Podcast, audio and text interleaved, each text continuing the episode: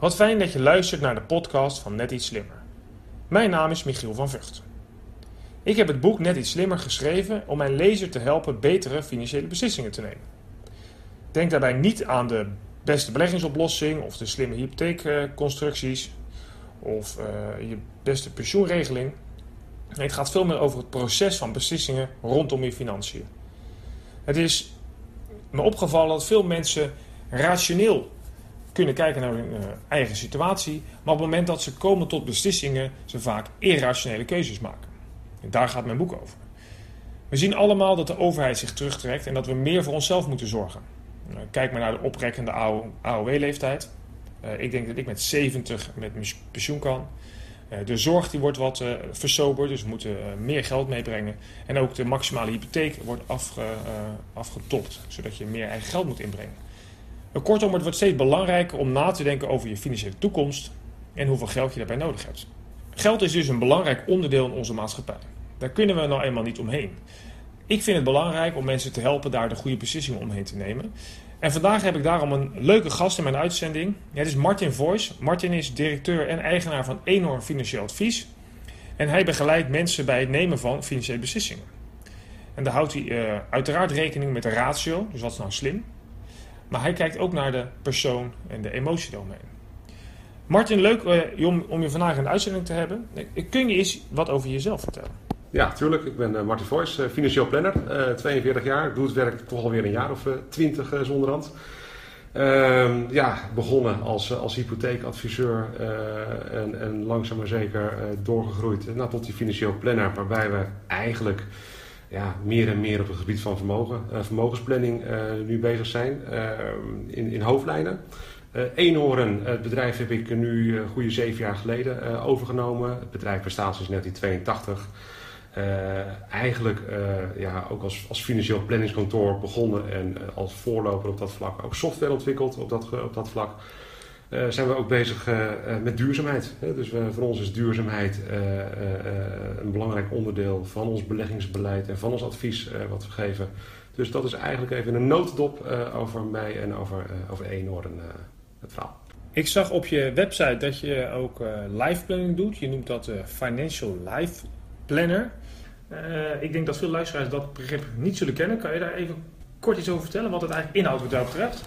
Als je als financieel planner uh, kun, je, uh, kun je heel makkelijk uh, je achter Excel verschuilen. Hè? De, de, de, de Excel-werkbladen liegen nooit en, en 1 plus 1 is 2 en zo makkelijk is allemaal wel. Maar ja, wat je op een gegeven moment in de, de loop der jaren steeds meer merkt, is dat mensen ehm, A zeggen en B doen. Hè? En, en dan, ze weten wat, wat verstandig is, heel rationeel.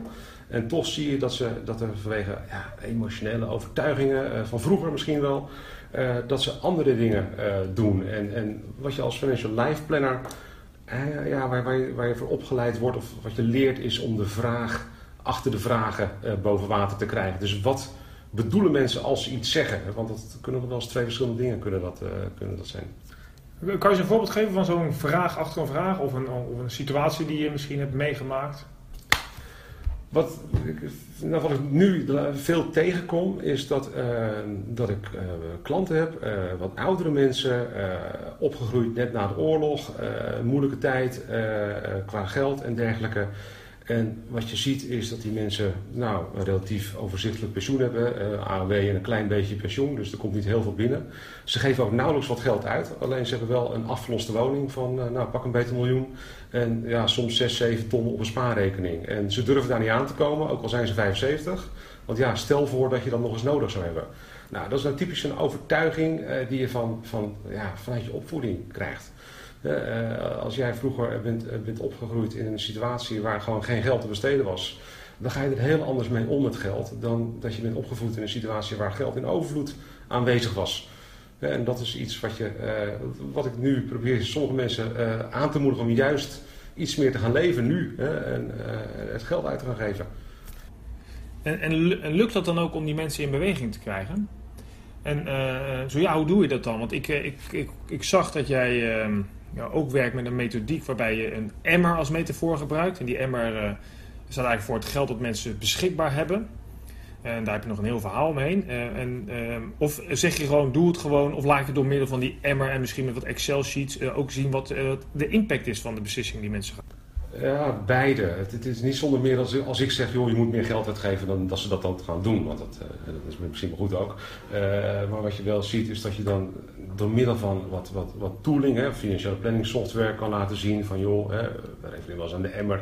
de emmer is belangrijk, want daar zit je, daar zit je geld in, hè, waar je aan kunt komen. Dat je eigenlijk laat zien hoe, hoe, hoe verloopt die emmer in de loop der jaren. En als je dan eigenlijk heel makkelijk kan aantonen dat als ze in dit tempo doorgaan, die emmer pas uh, leeg is uh, als ze ergens 188 jaar oud zijn ja, dan kun je ze ook wel overtuigen van het feit dat ze nu misschien die dingen wel zouden kunnen doen die ze zichzelf ontzeggen. Dat kan bijvoorbeeld zijn, nou, ik had laatst iemand die heeft wel familie in het buitenland wonen, ja, vindt het lastig om te, te reizen. ja, waarom haal je niet hier naartoe? hoe moeilijk is dat? Uh, je kunt de tickets weer makkelijk betalen uh, voor ze. Nou, dat, dat hebben ze ook gedaan. Hartstikke leuk. maar het kan ook veel kleiner. Dat een, een, klant die leek het al jaren leuk om vrienden van het Rijks te worden. Nou ja, goed, daar heb ik er al de afgelopen jaren drie keer over gehoord. En de vierde keer was ik het zat. Ik zeg, weet je wat? Ik zeg, we zitten met ons kantoor twee straten verder. We lopen nu naar het Rijksmuseum toe. We gaan je lid maken. Nou, dat was, vond ze allemaal heel spannend. En nu is ze hartstikke blij ze gedaan heeft, want ze heeft binnenkort weer een uitje en dan ziet ze weer nieuwe mensen. nou, hartstikke leuk. Maar heel vaak wordt het gewoon te, laten zien, inzichtelijk te maken. Van joh, wat gebeurt er nu eigenlijk? Je hebt geld, eh, je komt geld binnen, je geeft geld uit. Ja, soms weten mensen wel van oké, als ik uh, een miljoen heb en ik geef 20.000 euro per jaar uit, dan hou ik het 50 jaar vol. Dat kunnen ze heel makkelijk volgens Excel berekenen. Maar het gevoel zegt iets anders. Dat ze zuinig moeten doen met hun geld. En probeer jij dan met jou uh, de Excel en de tools de, de linker en de rechterhelft van die, van die klant te verbinden? Hè? Dus de logica aan de linkerkant en, de, en zeg misschien meer de angst of de, de wensen die aan de andere kant zitten, die haak jij aan elkaar op een bepaalde manier? Is dat een beetje de, de financial life planning uh, methode misschien? Ja, ja dus zo zou je dat kunnen wel, wel kunnen verwoorden. Ja. Dus dat je eigenlijk het, het rationele en het emotionele een beetje in balans probeert te houden op dat, op dat vlak. Uh, dat is ook een beetje de manier waarop we communiceren. En het is altijd een beetje zoeken naar wat werkt. De ene is gevoeliger voor, voor echt cijfers. De ander wil daar juist zo ver mogelijk van wegblijven. en die, dus dat is altijd een beetje zoeken. Dat maakt dit werk ook weer zo leuk. Ik hoor je wel veel praten over mensen en hoe je hun helpt met, met eigenlijk wat ze willen in het leven. Is dat ook het grootste voordeel, denk je, wat jouw klanten krijgen van jouw dienstverlening? Of zie jij andere voordelen die, die misschien nog wel belangrijker zijn? Nou, ik probeer ze ook vaak uh, ja, net even wat, laat ik zo zeggen, ik laat ze niet zo makkelijk wegkomen met een antwoord. Ik probeer altijd nog even twee of drie vragen erachteraan te stellen om te kijken of dat echt is wat ze willen. Uh, en dan zie je op een gegeven moment toch dan aan tafel, uh, ze, nou, vaak in het geval man-vrouw zitten aan tafel, dat er dan toch bij de een iets meer speelt dan de ander denkt. Dat kan bijvoorbeeld met reizen zijn of, nou goed, of verzorging van ouders. En dan merk je gewoon, dan voel je als adviseur zijn op basis van je ervaring, voel je van oké, hey, er speelt iets. En, met, eh, als ik vraag, hoe gaat het? Ja, iedereen zegt goed. Nou, eh, lekker makkelijk. Eh, maar als je dan nog twee of drie goede vragen erachteraan stelt, dan, dan kom je wel vaker tot de kern. En dan zie je opeens die mensen naar elkaar kijken van, oh, ik wist niet dat je er zo in staat. Dat het, dat het zoveel voor je betekende. Of, hè, dus dat maakt het dus, dus dat is eigenlijk wel um, um, wat ik van heel veel klanten terugkrijg na het gesprek van joh, uh, fijn, uh, we hebben het eigenlijk niet eens over geld gehad. over producten of over dit of over dat, maar meer over wat we willen. En ja, tegelijkertijd probeer je ze ook een beetje te, te, te behoeden voor slechte beslissingen. Hè, want dat is ook een rol waar ons naar een adviseur stappen. dat lukt meestal wel, maar soms niet altijd. Want soms zijn mensen toch nog best eigenwijs en doen ze iets zonder te overleggen. Ja, precies. Dus het is niet, uh, het is niet uh, alleen maar die, die technische oplossingen, maar het is ook gewoon dit soort simpele oplossingen soms om heel praktisch en pragmatisch te zijn um, om mensen te helpen eigenlijk betere beslissingen te nemen. Uh, je hebt mijn boek ook gegeven aan een aantal relaties. kun je eens uitleggen waarom je dat gedaan hebt? Ja, ik vond het wel een leuk geschenk. nee, het is een leuk boek, het leest makkelijk weg en het, het helpt klanten ook. En ik gebruik ook best wel wat voorbeelden uit het boek uh, om, om klanten, uh, ja, laat ik zo zeggen. Het is allemaal best ingewikkeld. Als je gaat kijken naar, naar, financiële planning, of in ieder geval naar de financiële situatie van mensen, alles grijpt in elkaar. En dan kan het heel technisch maken, maar het is juist zo leuk als je het op een heel eenvoudige manier de boodschap kan, kan verkondigen. En dat maakt het op zich, nou goed. Ik vond het wel eigenlijk gewoon een, een, een, een leuk, nuttig en ook praktisch cadeau voor klanten. Nou, dankjewel. Dat is aardig om, om te horen. ik heb het boek natuurlijk geschreven om mensen te helpen betere beslissingen te nemen. En toch valt me op dat het niet altijd direct lukt. Heb jij daar een verklaring voor? Nou, wat ik wel veel merk in de praktijk is dat, uh, uh, dat het voor veel mensen confronterend kan zijn. Hè? Dus je wordt toch vaak geconfronteerd met, met ja, je moet beslissingen nemen. En uh, je hebt soms ook over testamenten en dat soort zaken. En dan merk je toch dat mensen dingen voor zich uitschuiven en het maar niet doen. Hè? Dus dat, dat is helaas ook wat, wat, wat we als een voorbeeld komen. Je geeft het beste advies ter wereld, althans dat vind ik. En vervolgens, nou goed, dan hoeft die klant eigenlijk alleen maar op, op ja te klikken. En ja, dat blijft dan ergens hangen. Hè? Van ja, nee, kijk er nog even een keer naar. En dan, dan, vragen we zelf wel eens af van hé, hey, maar waar zit hem dat in? En heel vaak zit hem dan toch in het iets, iets ja, confronterends. Hè? Dat, dat, dat het mensen toch zo emotioneel wat lastig uh, vinden. En, uh, heb je daar een, een voorbeeld van? ja, dus dan zie je dat, dat als je het over hebt, dan zie je de barrière komen en dan, uh, waardoor het lastig is om die beslissing te nemen? Nou, helaas een heel recent voorbeeld. mensen die hier in het voorjaar binnenkwamen, nou goed, gevraagd, ze hadden net een woning verkocht, ze hadden wat geld, dus ze wilden graag beleggen. Ze nou goed, beleggen alleen doen we niet, hè. we werken altijd met een financieel plan. Dus dat betekent dat we eerst een beetje proberen te kijken waar sta je nu en waar ga je überhaupt naartoe. En dan dat we het allemaal op die manier op elkaar, laten aansluiten. Nou, wat gebeurt er? Je voelt hem aankomen. Meneer overlijdt. Echt out of the blue. 61 eh, jaar, uh, hartaanval, klaar. Ja, en dan zit je dus eigenlijk met oude testamenten. Ja, en, en, en, een dure grap qua polis. En dat vind ik dan zo jammer. Want kijk, we worden niet allemaal 85 of 90 jaar. En dan wil je als adviseur zijn soms een beetje gas geven. Hè, van jongens, ik zie wat dingen die moeten aangepast worden. Zullen we anders gelijk een afspraak maken met de notaris om in ieder geval dat, die testamenten aan te passen. En ja, dan merk je toch dat dat... Ja, nou goed, moet even nadenken, nog even kijken. En, en nou ja, dan ben je voor je een maand of drie, vier verder. Uh, dus dat is mijn frustratie af en toe nog wel eens. De mensen kom, het kan zomaar gebeurd zijn. En dat hebben we helaas het afgelopen jaar hebben we dat een paar keer meegemaakt. Dat zijn natuurlijk schrijnende voorbeelden dat je echt wel actie moet ondernemen. Maar ja, aan de andere kant, ik kan me ook wel voorstellen dat mensen denken: ja, is dit wel eh, de goede beslissing? Is dit wel wat we moeten doen?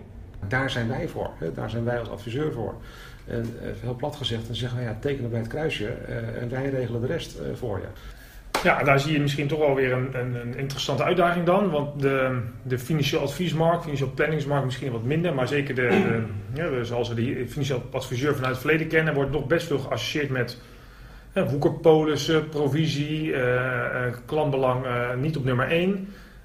wij weten misschien wel dat daar veel veranderd in is, maar um, hoe, hoe zorg je dat je dan toch het vertrouwen krijgt van die klanten? Ja, ik, weet je, ik, ik, ik kan daar niet zo heel gek van, want het is een soort vervechten tegen de bierkaai. Je probeert jezelf anders neer te zetten dan de rest van de branche, ja, terwijl je onderdeel daarvan uitmaakt. Dus ja, ik ben daar niet mee bezig. Ik doe gewoon mijn eigen ding. Ik praat met klanten en als klanten me vertrouwen, fantastisch, hebben we het doel bereikt. En als dat niet lukt, ja, jammer dan. dan, dan adviseer ik ze ook, eh, doe ik ook eens, ik adviseer dan een andere adviseur te zoeken die ze wel vertrouwen. Uh, nou goed, Martin, nog even terugkomend op jouw overname van uh, Enorn, zeven jaar geleden. Uh, en net zei je, nou ja, de, nu kan ik weer de 30 jaar vooruit. Maar van alles nog wat veranderd in onze, in onze wereld. ik denk ook in de financiële advieswereld. Hoe, hoe zie jij de toekomst van, jou, van jouw vak? Ja, dat is de enige zekerheid die we hebben, dat alles verandert. Nee, kijk, als ik ga kijken uh, in de afgelopen zeven jaar wat er al veranderd is en, en wat er ongetwijfeld de aankomende zeven jaar weer zal veranderen, dat, dat, is, dat is enorm. En, maar dat vind ik ook juist, dat is ook juist gaaf. Dat is ook de uitdaging uh, die je zoekt. Je zegt het, uh, de wereld verandert en dat is mooi. Um, ik zie ook wel, en dat zie jij waarschijnlijk ook wel, dat de, rationele kant van het advies wel heel snel naar de online omgeving gaat. Dus je kan al voor mijn gevoel heel makkelijk al online kijken van hoe zou ik ongeveer verzekerd moeten zijn misschien en hoe zou mijn hypotheek eh, goed zou uh, passen. Wat is er voor de klant de, eigenlijk de belangrijkste keuze om nog bij een adviseur te komen aan tafel? of op afstand, maar waarom zou die jou nog nodig hebben? Nou ja, de vraag stellen en beantwoorden. En juist vanwege die emotionele aspecten. want puur Excel ligt niet, zeg het begin al. dat, dat, dat, het programma is altijd gelijk. Alleen het gaat natuurlijk wel om wat, veel, wat voer je in. en en wat, wat wil je, wat doe je ermee? Ja, dat snap ik. En eh, wat, wat zie jij dan in de praktijk? Wat komt er uh, voorbij en hoe gaan klanten daarmee om?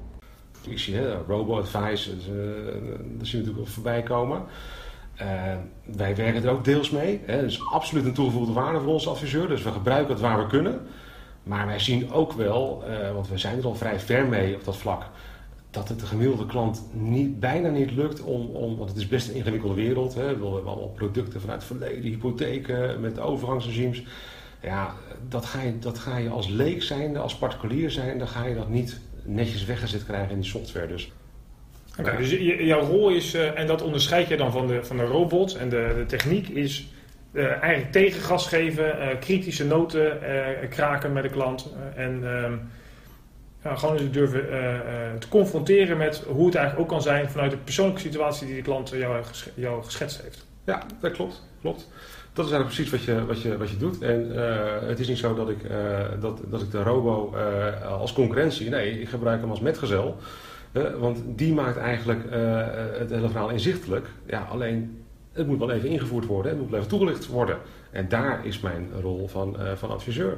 Uh, komt er om de hoek kijken. En wat dat betreft ben ik totaal niet bang dat die rol uitgespeeld zal zijn. Integendeel zelfs. Ik zie hem alleen maar groter worden in de toekomst, want het wordt alleen maar complexer. Dit is een beetje de private CFO, de persoonlijke um, financieel directeur van zo'n klant. Die je dan strategisch meedenkt en de, alle, de, de markt beziet. Ja. En daar het plan mee helpt. Ja, ja zie ik mij even als de most trusted advisor. Hè? Dus waar je inderdaad zegt van joh luister eens. Uh, als ik een beetje naar jullie uh, totaalplaatje kijk, dan, uh, ja, dan moeten we toch misschien even de notaris even inschakelen om het, het, testament aan te passen. Of misschien is het toch een goed idee om nu alvast wat te gaan schenken aan de kinderen. nou goed, voorzien het maar. Hè? Dus je, je, overziet het veel meer. Is dat ook wat jij um, het leukste vindt van je vak? Het totaalplaatje schetsen en klanten helpen bij de beslissingen die eigenlijk bij hun situatie passen en die niet per definitie rationeel de beste zijn. Ja, eigenlijk op basis van de kennis die je hebt uh, uh, en, en, en de, de, ervaring en de kennis van hun persoonlijke situatie, uh, om daar voor hun de beste oplossing te verzinnen. En die is voor iedereen echt anders. En dat heeft ook te maken, om, dan gaan de, ga ik weer een klein beetje terug naar, naar eerder in het gesprek, waarin je aangeeft, joh, de een komt uit een gezin waar nauwelijks geld ter beschikking was en de ander komt uit een heel rijk gezin. Ja, die mensen zullen andere beslissingen nemen. Sommige mensen moet je gewoon echt uh, stimuleren van joh, ga die reizen nu maken. want je, je bent nu 65 ja, over tien jaar ben je weer tien jaar verder. Nou, dus ik, ik ben het helemaal met je eens, want je ziet natuurlijk, dat, dat omschrijf ik ook wel, dat, dat, noem ik het relatieve nut, dat mensen zich hun geluks ontlenen, geluk ontlenen aan de mensen om hen heen. Um, en dat zeg je eigenlijk ook, je ziet dat mensen allemaal verschillend zijn en dat, is, dat klopt uiteraard. Um, en je zegt, nou, ik vind mijn rol wel belangrijk te zorgen dat mensen op basis van hun eigen situatie een beslissing nemen. En niet kijken van, oh, de buurman doet het niet of mijn broer doet het niet dus puur uh, dat relatieve, relatieve ten opzichte van anderen laten gaan en kijken wat bij hun het beste past. Ja, het heeft geen zin naar een ander te kijken. Je doet het vanuit je eigen perspectief. Want andersom, als jouw geld op is, komt de buurman ook geen geld brengen. en, en, andersom waarschijnlijk ook niet. Dus ja, je bent verantwoordelijk voor je eigen geluk, uh, om het zo maar even te zeggen. Ja. Nog twee vragen en dan sluiten we af. Heb je nog een goede tip uh, voor, uh, voor onze luisteraar? Ja, die heb ik. Zorg dat je weet waar je staat voordat je wat gaat doen. Ga niet blind iets doen. Ga niet blind ergens in beleggen of doe maar dit. Nee, probeer eerst gewoon even, even een stapje terug te nemen van oké, waar sta ik? En waar wil ik naartoe? En wat ik wil gaan doen, helpt me dat daarbij om daar te komen. Lijkt me een uitstekende tip. Dankjewel daarvoor. En tenslotte de laatste vraag die ik elke um, geïnterviewde eh, stel. Heb jij nog iemand in gedachten die, um, die ik zou kunnen benaderen voor een volgende podcast? Nou ja, goed, je zou uh, uh, misschien even out of the box kunnen denken. ik las laatst een stukje in een magazine over een accountantskantoor met een heel mooi manifest. En ik denk dat als je Erik Friedenberg van, manifest, van Manifesto belt, dat hij daar best iets wat uitvoeriger op in zou willen gaan. Dus dat zou een optie kunnen, kunnen zijn. Dankjewel Martin, dat is een, leuke suggestie. Ik ga hem zeker benaderen en wie weet horen we hem de volgende keer in deze podcast. Martin, mag ik je hartelijk danken voor je bijdrage. Ehm, ik vond het erg nuttig. Ik, uh, de pointers die ik meeneem uh, zijn met name dat het goed is om je te laten begeleiden door iemand die kennis van zaken heeft. En belangrijker misschien, diegene kan ook de ratio laten zien, maar die ook combineren met de emotie die toch altijd bij financiële beslissingen speelt. Martin, dankjewel. Martin Voors van Eenhoorn Financieel Advies. En aan de luisteraars wil ik ook eh, mijn dank uitspreken. Bedankt voor het luisteren opnieuw. Ik eh, ga binnenkort weer een nieuwe podcast opnemen eh, met weer als onderwerp iets slimmere beslissingen nemen, net iets slimmer worden. Want ik gun iedereen een goed en rustig leven en financiën spelen daarbij een belangrijke rol. Dus ik help je graag met die betere keuzes. Wil je meer informatie? Dan verwijs ik je graag naar mijn website michielvanvug.com. Daar vind je allerlei artikelen en inzichten. Bedankt en tot de volgende keer.